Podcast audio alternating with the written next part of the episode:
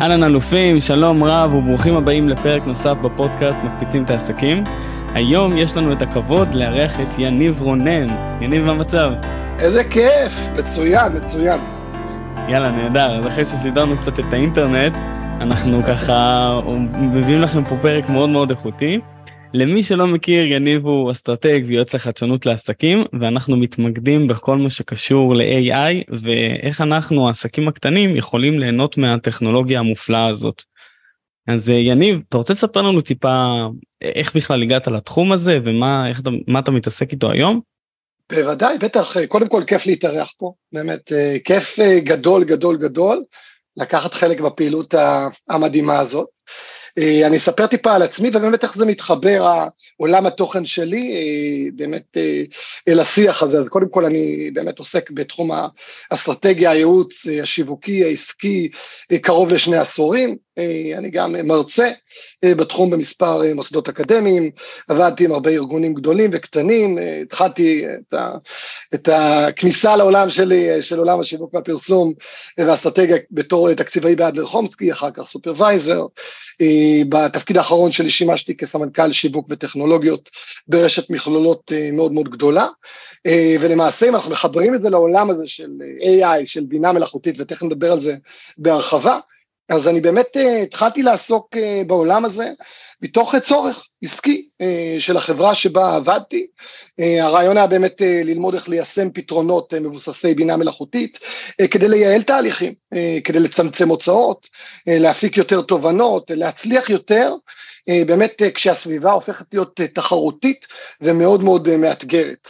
אז למדתי על מגוון מאוד מאוד רחב של כלים, ובעצם קרוב לארבע שנים שאני לומד, עוסק ומפתח כלים בעיקר, בעיקר, בעיקר לעסקים, בין אם מדובר במוצרי מדף, עד באמת לפיתוחים מאוד מאוד מורכבים אה, בהתאמה אישית. אז זה טיפה עליי. יפה, מדהים. אז כן. אנחנו ממש אה, נעשה ככה, אתה יודע, אני בטוח שיש לך המון המון המון ידע ואנחנו יכולים לצלול כאן להרבה מאוד כיוונים, אבל דווקא רציתי, אתה יודע, הקהל שמאזין לנו זה בעיקר חבר'ה שהם אה, בתחילת דרכם, או חבר'ה שרוצים לעלות על הרכבת, מה שנקרא. אז הייתי רוצה כזה שנעשה איזשהו אישור קו, אה, כלומר בוא נתחיל אולי, מה, מה זה הבינה מלאכותית? מעולה, מעולה, מעולה. אני חושב שבאמת בהרבה מאוד מקרים אה, השאלה הזאת מתפספסת, וישר צוללים לכלים עצמם. ומה שקורה שבאמת אה, יש נטייה כזאת ללכת ולרצות להתעסק עם כלי כזה או אחר ולהתנסות בכלים כאלה והולכים לאיבוד ומאבדים פוקוס ואז באמת גם הריגוש הזה, ההתלהבות הזאת שהייתה לנו מהבינה המלאכותית הולכת לאיבוד ואנחנו מרגישים שאנחנו בעצם טובעים בתוך כל הבלגן. אז בואו נתחיל ממש מההתחלה. אני אגיד מה זה בינה מלאכותית ומה זה לא בינה מלאכותית, כי יש פה באמת הרבה מאוד טעויות. כשאנחנו מדברים על בינה מלאכותית, אז קל לנו לדמיין את העולם ה...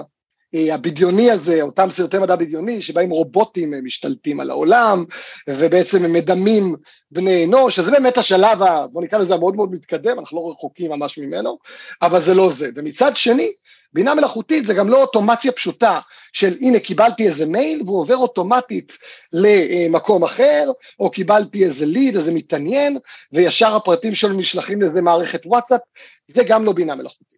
בגדול בינה מלאכותית, אם ככה אה, נפרש את זה בצורה אה, פשוטה, אלה מכונות או מערכות שיכולות לחקות את תהליך פתרון הבעיות אה, ויכולת הלמידה שיש לבני אדם. זאת אומרת, קחו בעיה, קחו אתגר כלשהו, מכונה או מערכת שיודעת לחקות את התהליך עצמו של פתרון הבעיות, זה נעשה על בסיס דפוסים, תכף אני ארחיב על כך, אבל לעשות את זה ממש בדומה לתהליך החשיבה של בן אדם. מה שזה אומר שבסופו של דבר יש לנו מערכת שלומדת דפוסים, שמבינה התנהגות אה, ברמה הבסיסית עד לרמה מאוד מאוד מורכבת. אני אתן איזה דוגמה להמחשה. כשאנחנו רוצים ללמד תינוק שרק נולד, מה זה כלב? אז מה אנחנו עושים? אנחנו לא אומרים לו, כלב זה בעל חיים עם ארבע רגליים וראש ועיניים, לא. אנחנו מראים לו תמונה של כלב, ואז אחר כך כשאנחנו הולכים איתו ביחד בפארק או בגן משחקים, אנחנו מראים לו כלב ומצביעים הנה כלב, ואחר כך כשאנחנו מקריאים לו סיפור, הנה כלב, אז הוא מפתח דפוסים של מה זה כלב, והוא לומד לבד מה זה כלב. זה בעצם התהליך שעובד מאחורי הקלעים, הבנה של דפוסים. גם כאן אנחנו נכנסים בעצם למספר אה, סוגים שונים, אני אקרא לזה, של בינה מלאכותית. יש לה בינה מלאכותית שכולנו נוגעים או מתעסקים בה היום, שזה Weak AI או Narrow AI, זה באמת מערכות פשוטות אה, כמו טקסט לטקסט, טקסט לתמונה, שיודעות לעשות פעולה מאוד מאוד אה, ספציפית, יש מערכות יותר מורכבות שזה נקרא AGI, General AI, ויש את ה-ASI, שזה הסופר AI, זה באמת אותן רובוטים שהולכים להשתלט על העולם. אנחנו עכשיו רואים ומקבלים כבר המון המון כלים שיושבים ממש על שתי הפלטפורמות או שני הסוגים הראשונים, על ה-Weak AI וה-AGI, וגם מתחילים כבר לדבר על הנושא הזה של מערכות שהן מה שנקרא ASI, אבל אנחנו עדיין לא שם. אז כמו שאמרתי, בינה מלאכותית זה באמת סוג של הבנה של דפוסים, מערכת שיודעת לחקות את תהליך המחשבה ופתרון הבעיות של בני אדם, מבוסס, אם היה לנו עוד זמן היינו מדברים על Machine Learning ו-Deep Learning, אבל זה מבוסס באמת על הבנה של דפוסים, ובסופו של דבר יש המון המון כלים שעושים שימוש בתהליך הזה ורלוונטיים לבעלי עסקים, ליזמים וגם לשכירים. כן, אני מאוד מאוד אהבתי את הכלי שלך שמתקשרים אליך ואתה לא עונה לטלפון, זה אנחנו אחר כך נראה, אנחנו נצלול לכלים, נכון. אבל זה, זה יפה מאוד, אתה יודע. אבל בואו, אנחנו מסתכלים רגע במאקרו, איך הדבר הזה, כלומר כל הבינה המלאכותית הולך בעצם לשנות לנו את החיים, כלומר אולי אפילו איזה סוגי בעיות זה עלול להביא איתו. שאלות מעולות. בגדול אם ניקח את שלושת האלמנטים המרכזיים שבהם בינה מלאכותית באה לידי ביטוי בחיים של כולנו, ואם, ואם נדייק את זה באמת לעולם היזמות, לעולם העסקים, אז בגדול מערכות בינה מלאכותית יכולות לייעל תהליכים, לצמצם הוצאות, למקסם הכנסות, לייצר דאטה, נתונים הרבה יותר איכותיים ומדויקים, וזה נפרס באמת על המון המון המון המון היבטים. יחד עם זה כמובן שיש הרבה מאוד אתגרים, תכף אני אתייחס אליהם באמת טיפה יותר בהרחבה, אבל תחשבו על תהליכי מכירות. אז זה מתקשר באמת למה שדיברת עליו הרגע, על אותו, אותה מזכירה אלקטרונית מבוססת בינה מלאכותית שיש לי בטלפון. אז תחשבו שאתם יכולים לקבל עכשיו כיזמים, בעלי עסקים, שיש לכם נציג שירות אחד, או שאתם בעלי העסק, אתם יכולים לטפל בפנייה אחת בכל פעם. לא משנה אם מדובר בשירות לקוחות, או מכירות, או איזה תהליך של התלבטות של לקוח. מה שאנחנו כן יכולים לעשות על בסיס מערכות מבוססות בינה מלאכותית, זה לייצר תהליכים שבהם יש בוטים או כלים שעוזרים לנו בתוך התהליך הזה. כמו מזכירה שיכולה לקחת מידע מלא ואפילו לשאול שאלות ולספק תובנות ללקוח שמתקשר. או מערכת שיודעת לאסוף את הלידים, את הפניות שמתקבלות, ועל בסיס נתונים מהעבר או נתונים שקיימים היום ברשת, גם לדעת מתי כדאי להתקשר לכל פונה ופונה. זאת אומרת, האם להתקשר לאותו לקוח פוטנציאלי בשעות הערב, או אולי ביום שני בבוקר. זאת אומרת שגם בתהליך המכירות, אנחנו יכולים להגיע ליותר אנשים, ליותר לקוחות, ליותר הזדמנויות, באותה נקודת זמן. אותו כנראה לגבי שיווק ופרסום, אני יכול לייצר יותר מודעות, יותר קמפיינים, ועכשיו, אגב, וזה מדהים, זה, זה משהו שקורה ממש ב, בימים האחרונים. אה, OpenAI שחררו איזה כלי בתוך הפלטפורמה שלהם, בתוך ChatGPT, שמאפשר לנו גם אה, להשתמש ולהבין ולנתח ולקבל תובנות על בסיס אה, קודים ומידע שאנחנו מזינים פנימה. לדוגמה, לדוגמה, אה, אני מניח שרוב בעלי עסקים היום מנהלים קמפיין דיגיטלי כזה או אחר. זה יכול להיות באינסטגרם, זה יכול להיות בפייסבוק, בגוגל, בטיק טוק. היום ממש היום, אתם יכולים לקחת את הדוח של הקמפיין, גם אם אין לכם מושג ירוק באיך לנהל ולהבין קמפיינים דיגיטליים, להוריד את הדוח הזה מהפלטפורמה, להעלות לתוך JetGPT, ואתם יכולים לקבל תובנות והמלצות לאופטימיזציה של הקמפיין ישירות על בסיס בינה מלאכותית. זאת אומרת שכמעט בכל מרכיב שבו בעבר היינו נדרשים להרבה מאוד שעות חשיבה ועבודה והסתכלות על נתונים ומספרים, במקום הזה כבר היום מוצרי מדף קיימים יכולים לצמצם לנו בעצם את הפעילות, את, ה, את ההתעסקות הזאת. אותו כנ"ל לקבל שירות לקוחות, אה, תהליכי חשבונאות ופיננסים, היבטים שקשורים ל-HR והמשאב האנושי, היכולת לנתח פוטנציאל של מועמד, אם הוא מתאים ל-DNA הארגוני, זה משהו שאני יכול לעשות היום די בלחיצת כפתור, על בסיס מערכת בינה מלאכותית שסורקת את הרשת, ומבינה מי זה אותו בן אדם, לאיזה קבוצות הוא משתייך, על מה הוא כותב, ואז להבין אם הוא מתאים לארגון שלי יותר או פחות. אז בהמון המון המון נושאים, אנחנו רואים שבינה מלאכותית באמת יכולה לבוא לידי ביטוי בפעילות העסקית היזמית שלנו. עכשיו דיברת על אה, אתגרים. נכון. אז באתגרים אנחנו נתקלים בעיקר בארבעה אתגרים, זה הנושא של זכויות יוצרים, הקטע הזה שאנחנו פתאום מפיקים איזו תמונה מרהיבה שנשענת על איזה, בדיוק על איזה ציור של איזה אומן מפורסם, אה, אז למי שייכות זכויות היוצרים? האם מותר לנו להשתמש בזה באופן אה, מסחרי? אסור לנו? האם זה בסדר? לא בסדר? ואז כבר נכנסים היבטים אתיים. אתיקה. אני אתן לך כדוגמה, כשאנחנו עכשיו הולכים לגוגל ומחפשים באנגלית uh, rich person, באנגלית, איזה תמונות אנחנו נקבל? תעשו את החיפוש בגוגל, rich person, נקבל כנראה אדם לבן, גבר שהוא לבן, זאת אומרת, גבר לבן, לא נקבל אה, נשים, אה, כמעט ולא נקבל נשים, או כמעט ולא נקבל נשים, אה, אה, נגיד אה, קהות עור, יש פה איזו הטייה, וההטייה הזאת היא נמשכת גם לתוך העולם הזה של הבינה המלאכותית, כי בסוף כולנו מנהלים איזה שיח מול אותן מערכות, וכולנו מפדבקים אותן באותו אופן שבו פידבקנו את מנועי החיפוש. אז יש הטייה, וההטייה הזאת היא בעייתית, אנחנו חייבים לדעת להתייחס אליה. אז יש פה את הנושא של זכויות יוצרים, את אותן הטיות שקשורות באמת להיבטים אתיים. יש פה נושא של פרטיות ומידע. כשאני משתמש בצ'אט GPT לצורך העניין, ומעלה עכשיו מסמכים או נתונים עסקיים, אז המידע הזה מתגלגל לאנשהו, נכון? מה הולכים לעשות עם המידע, עם המידע הזה? האם הוא עלול לסכן אותי, את החברה שלי באיזשהו שלב? ואם לא מדובר במידע עסקי, מסחרי, גם המידע הפרטי שלי, תמונות שאני מעלה למידג'רני כי אני רוצה לעצב את עצמי, אה, כאילו אני איזה סופר הירו. לאן התמונות האלה מתגלגלות? איפה נמצאות עכשיו? לאן הן הולכות? אלה גם נושאים שאנחנו חייבים להתייחס אליהם. אוקיי, okay, וואו. טוב, יש פה באמת הרבה מאוד אתגרים והרבה מאוד בעיות.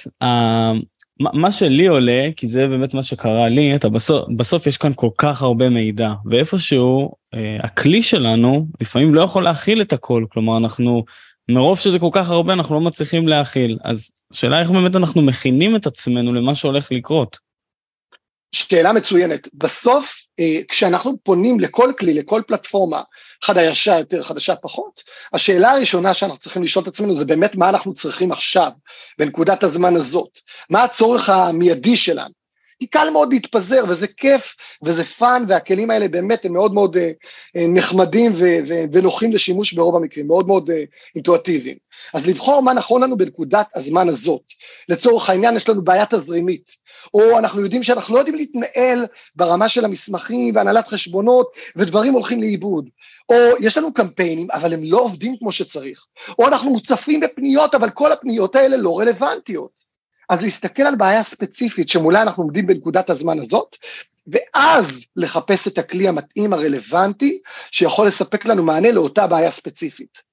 אוקיי? כי באמת אחרת קל ללכת לאיבוד. עכשיו, כנראה וסביר להניח, ברגע שניכנס ונעשה שימוש בכלי כזה או אחר, גם נפתח את הביטחון שלנו האישי בשימוש בכלים כאלה, ואז נוכל לגשת באמת לנושאים אחרים.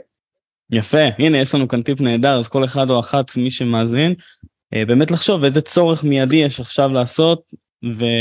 ומשם להתחיל בעצם לחפש את הכלי המדהים. מדהים. לגמרי. אוקיי, כן. אז מי שככה אה, מאזין לנו, אוקיי, והוא מצא את מה שהוא צריך, איך הוא בעצם מתקדם לצעדים הבאים? כלומר, איך הוא מתחיל לשחק? מה, פשוט הולכים לגוגל, יוטיוב ומחפשים? מעולה, שאלה מעולה. אז קודם כל, אה, אחרי שהגדרנו באמת מה אנחנו צריכים, להגדיר גם את הגבולות שלנו. זאת אומרת, איזה מידע אני לא הייתי רוצה שיתגלגל החוצה. באיזה נתונים אני רוצה להשתמש ובאיזה נתונים אני לא רוצה להשתמש. להתחיל לעשות סדר בכל המידע שלי. זה אומר מסמכים קיימים, אם הייתי רוצה על בסיסם לייצר איזה תובנות עסקיות, אז כבר לרכז אותם באיזה תיקייה מסודרת. זה אומר לסדר את כל האקסלים שלי, אם אני רוצה לצורך העניין לקחת נתונים מתוך קמפיינים, או מתוך כל אה, תוכן או אה, כל מידע אה, כלשהו, ולנתח אותו, להחליט בדיוק איזה מידע אני צריך ולסדר את הכל בצורה מסודרת בעמודות מסודרות. אם אני רוצה להפיק לצורך העניין אה, כרגע מודעות וקמפיינים דיגיטליים, להחליט מה יהיה הכיוון ובאיזה תמונות אני רוצה להשתמש. לסדר לעצמנו בעצם סוג של מאגר, שזה יהיה המאגר שבשבילנו לעבודה על בסיס בינה מלאכותית. מה שמחוץ לו אנחנו לא נוגעים ומתעסקים רק מה שנמצא בתוך המעגל הזה. זה מאוד מאוד חשוב בכלל בנושא הזה של הגנה אה, על הפרטיות והגנה באמת על אה, סודות מסחרים או פעילות עסקית, ויותר מזה זה עושה לנו סדר. זה עושה לנו סדר בהבנה איך אנחנו מתחילים ועם מה אנחנו מתחילים לעבוד. להיות מאוד מאוד ממוקדים. להבין שעבודה על בסיס בינה מלאכותית, כמו על כל פלטפורמה אה, חדשנית, או כזאת שאנחנו מתחילים לעבוד איתה בפעם הראשונה, יש לה איזה עקומת למידה מסוימת. אז להיות סבלנים וסובלניים, להיות גם אה, אה, טולרנטים בשימוש כלפי עצמכם, בשימוש של, ה, של המערכת, ולא לכעוס או לא להיות מתוסכלים כשדברים לא יוצאים בדיוק כמו שאתם רוצים, ויש הרבה מאוד אה, קהילות וקבוצות ואנשים, אפשר לחפש בגוגל יועץ בינה מלאכותית, אפשר לחפש בפייסבוק קהילות שעוסקות בזה, יש הרבה מאוד אנשים טובים ומצוינים שעוסקים בתחום ותמיד תמיד ישמחו לעזור, ולא לפחד, לא לפחד, זה מרחב עצום של הזדמנויות. להחליט על מטרה ספציפית ומדויקת, להשיג את כל המידע, הדאטה, הנתונים שאתם רוצים בשביל להשיג את אותה מטרה, פשוט להתחיל לפעול. לגמרי לגמרי להתחיל כן. לפעול בזה. ויניב אני תקן אותי אם אני טועה אבל אם אני מסתכל רגע על הרשתות החברתיות אתה יודע פייסבוק אינסטגרם לינקדין אה, וכל השאר זה רשתות שהן קצת יותר פסיביים להיות שם אתה יודע אתה פשוט גולל עם האצבע אתה לא צריך לעשות יותר מדי ואתה רואה את כל התוכן אתה רואה סרטונים אתה רואה מאמרים אתה רואה את, את כל מה שקורה אבל כאן במקום אתה צריך להיות קצת יותר אקטיבי כלומר אתה צריך להביא את הבעיה שיש לך לתוך המערכת ואתה צריך להבין מבפנים רגע איזה בעיה יש לך ומה הצורך שלך. אוקיי, זה גם נכון, שאלה. נכון, כן. נכון, האתגר, זה, זה בדיוק האתגר, אתה הדגשת את זה מצוין, כי כשאנחנו נתקלים עד עכשיו, רובנו בנושא של בינה מלאכותית, ואנחנו לא אנשי מקצוע בתחום, אנחנו רואים דברים שאחרים עשו, זה יכול להיות מאוד מלהיב ומגניב וכיפי, והי, זה מתחבר לי בדיוק לאיזה פעילות שאני רוצה לעשות כזאת או אחרת. אבל מכאן גם המקור אה, לכל הצרות וה, והבלגן, ואובדן הזמן שלנו, שזה המשאב הכי יקר שיש לנו כבעלי עסקים ויזמים. אז אנחנו צריכים להיות מאוד מדויקים, זה אומר לחזור פנימה, לעשות צעד אחורה, אם צריך לכבות את המחשב ולהתפקס, להתפקס במטרות העסקיות שלנו, להתפקס באתגרים, שאנחנו עומדים בפניהם כרגע בנקודת הזמן הזאת, להסתכל על כל הדברים באמת בעין ביקורתית, ככה ב... נקרא לזה במבט, במעוף הציפור, ממש מלמעלה, במבט מלמעלה אל העסק עצמו, לנסות לנתק את עצמנו מהדברים שבאמת מגניב לי וכיף לי לעשות תמונות, אז אולי זה מה שאני אתעסק בו עכשיו, לא בטוח, לא בטוח שזה מה שאתם צריכים. מאוד יכול להיות שהנושא הזה של לעבוד עכשיו על מידג'רני ולהפיק אימג'ים מדהימים ומרהיבים, זה כיפי, אבל זה לא ייתן לכם שום תועלת מעבר ללרכוש תמונה עכשיו, תמונת סטוק שקיימת, או להיכנס לקנווה ולהוריד תמונה שקיימת שם ב, אה, ב, באחד מהמנויים. אז לחשוב באמת מה מדויק, רלוונטי ונכון עבורכם. ואני בטוח שבפרספקטיבה כזאת שמתנתקת לחלוטין כרגע מכל מה שדוחפים לנו או מציעים לנו לעשות, אה, כל בעל עסק יגיע לתובנות מאוד מאוד מהר, במה כדאי לו להתמקד. מעולה. הנה יפה זה כבר עושה ממש הרבה מאוד סדר אהבתי את לכבות את המחשב ורק אז אה, ורק אז לגמרי. תגיד איך איך כל העולם של בינה מלאכותית הולך בעצם להשפיע על אה, עולם התעסוקה שזה כבר משפיע כן. כבר לגמרי לגמרי כן. אנחנו כבר רואים הצהרות של חברות וארגונים מאוד מאוד גדולים אה, שמשעים תהליכי גיוס של עובדים אגב וזה נפרס לאורך לרוחב כל החברה זה גם ב, ב, בעולמות משאבי אנוש, ופיתוח, ותוכנה, וקוד, ואנשי שיווק, ומכירות. באמת, הרבה מאוד ארגונים גדולים מצהירים, וכשארגונים גדולים מצהירים את זה, אז בוודאי שאנחנו מבינים את ההשפעה וההשלכות על עסקים קטנים. בסופו של דבר, אפשר להסתכל על זה משתי פרספקטיבות. פרספקטיבה של בעל עסק, שאומר לעצמו, היי, יש לי פה כלים שיכולים באמת לצמצם את ההשקעה שלי במשאב האנושי, ומאפשרים לי לקבל תובנות עסקיות, לייצר מהלכים עסקיים, מהר מאוד, בלי שאני צריך עכשיו לגייס ולהכשיר עובדים לשם כך, או על ידי צמצום כוח האדם במחלקה שלי, אני משאיר בן אדם אחד שהוא יעבוד עם ה-AI, וכל השאר באמת הם פחות רלוונטיים לי. אז מהצד הזה, אה, יש פה תועלת מאוד משמעותית לבעל העסק, אבל זה משליך על עולם התעסוקה.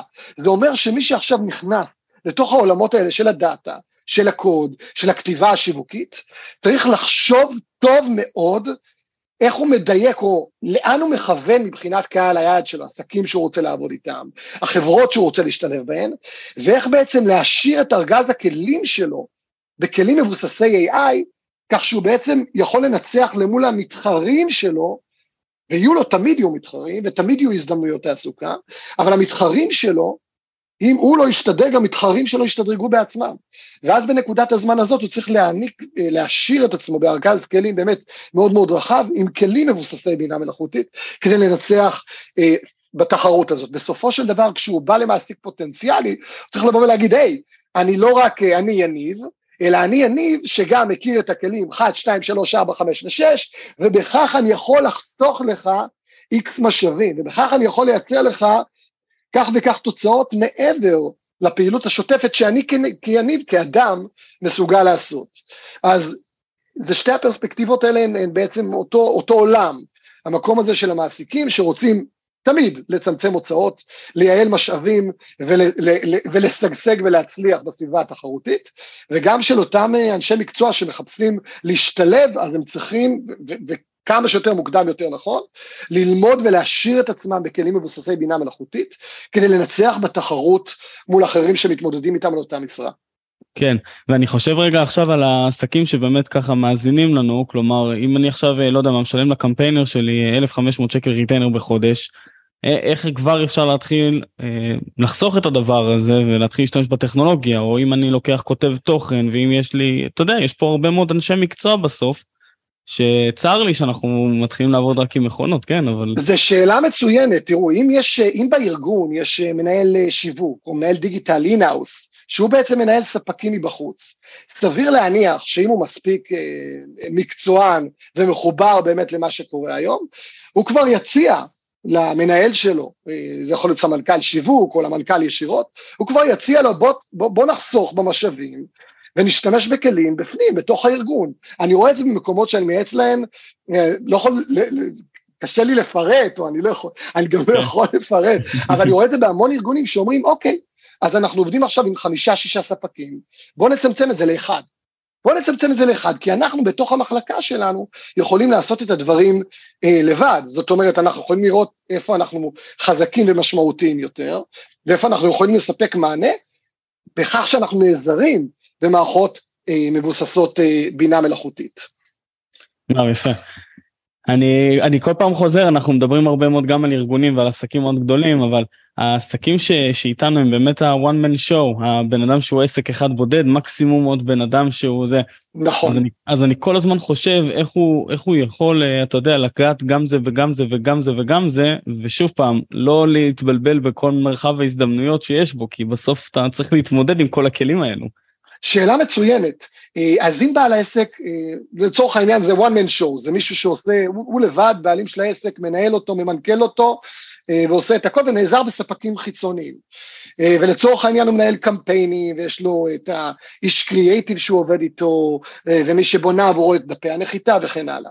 הוא יכול כבר בשלב הראשון לשאול אותם את הספקים הקיימים, לא להתחיל אה, מה שנקרא לראות בשדות זרים, ישר לשאול אותם, אתם מכירים כלים מבוססי בינה מלאכותית, אתם משתמשים בכלים מבוססי בינה מלאכותית? במידה והם אומרים לו כן, אז לבוא ולהיות הכי פתוח והכי ישיר איתם. אם אתם עושים שימוש בכלים מבוססי בינה מלאכותית, ובכך אתם בעצם מצמצמים את היקף הפעילות שלכם ואת היקף העבודה שלכם, איך זה בא לידי ביטוי, איך זה משתקף בסופו של דבר בעלויות שלכם. האם יכול להיות שעכשיו, כי אתם עושים שימוש בכלים כאלה שמצמצמים את זמן ההתעסקות שלכם, תוכלו ללכת לקראתי, אוקיי? ואם אני משלם כרגע 3,500 שקלים על קמפיין, 2,500, 5,000 שקלים, האם אתם יכולים ללכת לקראתי כי היקף העבודה שלכם מצטמצם, אוקיי, ולהוריד את העלויות, ולבוא ולבקש את זה, בלי להתבייש. כי אם הם אכן עושים שימוש בכלים כאלה, המשמעות היא חד משמעית. הם כנראה צמצמו בעצמם את היקף כוח האדם שלהם, והם צמצמו בעצמם את היקף העלויות שלהם בשוטף, והם יכולים לייצר את אותן התוצאות ואת אותן התוצרים בפחות מאמצים ובפחות כסף. אז זה הדבר הראשון, לבוא ולפנות לספקים הקיימים. ובמידה ואתם נתקלים באיזה אה, קשיים או אתגרים, לבוא וכן ולהתייעץ ולשאול במרחבים הרלוונטיים, בקבוצות, אם אתם חברים בקבוצות נטוורקינג, יש לכם מעגלים עסקיים שאתם מחוברים אליהם, קולגות, אה, אנשים שאתם סומכים עליהם, לחפש אפילו בגוגל, ולמצוא אה, בעלי מקצוע שזה מה שהם עושים. הם לוקחים את הכלים האלה מבוססי בינה מלאכותית, כשהם למדו אותם והם התמחו בהם, ומייצרים פתרונות שיווקיים, עסקיים, לעסקים קטנים, שעולים פחות כסף. פשוט פחות כסף. זה שוב אם בעל העסק בעצמו אומר אני לא רוצה להתנסות בכלים האלה בעצמי ואני לא רוצה לקחת על עצמי את תהליך הלמידה. בסדר גמור לגיטימי, אגב ברוב המקרים זה עדיף, שכל אחד יתעסק בתחומים שבו הוא מתמקצע, אבל פה באמת להיעזר באנשי מקצוע שיתמחו בזה, שלמדו את זה ולבקש, בלי להתבייש, לראות אם אפשר באמת להתאים את הצעת המחיר אה, לעולם החדש הזה שלנו. איזה יופי. אני מסחטן עליך, אתה ממש מסביר את זה ברמה שכיף, כיף להאזין לזה. אז אה, אוקיי, מי שככה, אמרנו מי שככה מאזין לנו ובאמת לא יודע מה לעשות, אז דבר ראשון הוא צריך להבין את, ה, את הבעיות, ולאחר מכן רק להתחיל לחפש את, ה, את הכלים האלו, וזה מעולה מה שאתה אומר, כלומר להתחיל לבדוק גם בנטוורקינג, גם אה, בגוגל, גם, ב, גם עם הספקים הקיימים, זה נהדר. תגיד לי, אני, אה, שאלה, איפה אנחנו הולכים לראות אותך בעוד שבע שנים? וואו, טוב, שבע שנים, זה, זה הרבה מאוד זמן. אני יכול להתחיל שנה, שנתיים, ואחרי שבע שנים. בגדול, בתהליך למידה מתמשך. כל מה שאני עושה בשנים האחרונות, זה באמת אסטרטגיה חדשנית. אז אני לומד כל הזמן. אז אני, אני מקווה ומאמין, ואעשה את כל המאמצים פשוט להיות בתהליך למידה מתמשך. כל הזמן לספוג עוד ידע, ללמוד על עוד כלים חדשניים, להשתמש בהם, להתנסות בהם, להיעזר בהם, ללמד ולהכשיר אה, להמשיך להכשיר סטודנטים אה, באקדמיה, אה, באמת לייצר פתרונות חדשניים לעסקים בכל נקודת זמן, כי באמת יש פה מרחב הזדמנויות מדהים. אז זה רק ללמוד ולהתפתח. זה הדבר באמת הכי גדול שאני מייחל לעצמי, ובכלל, לכל עסק, ללמוד, להתפתח, להיות זמין לשינויים, באמת לקבל אותם באהבה, בחיבוק, כי באמת זה, עם ההזדמנויות האלה מגיע שפע עצום, עם כל הפחד והחששות.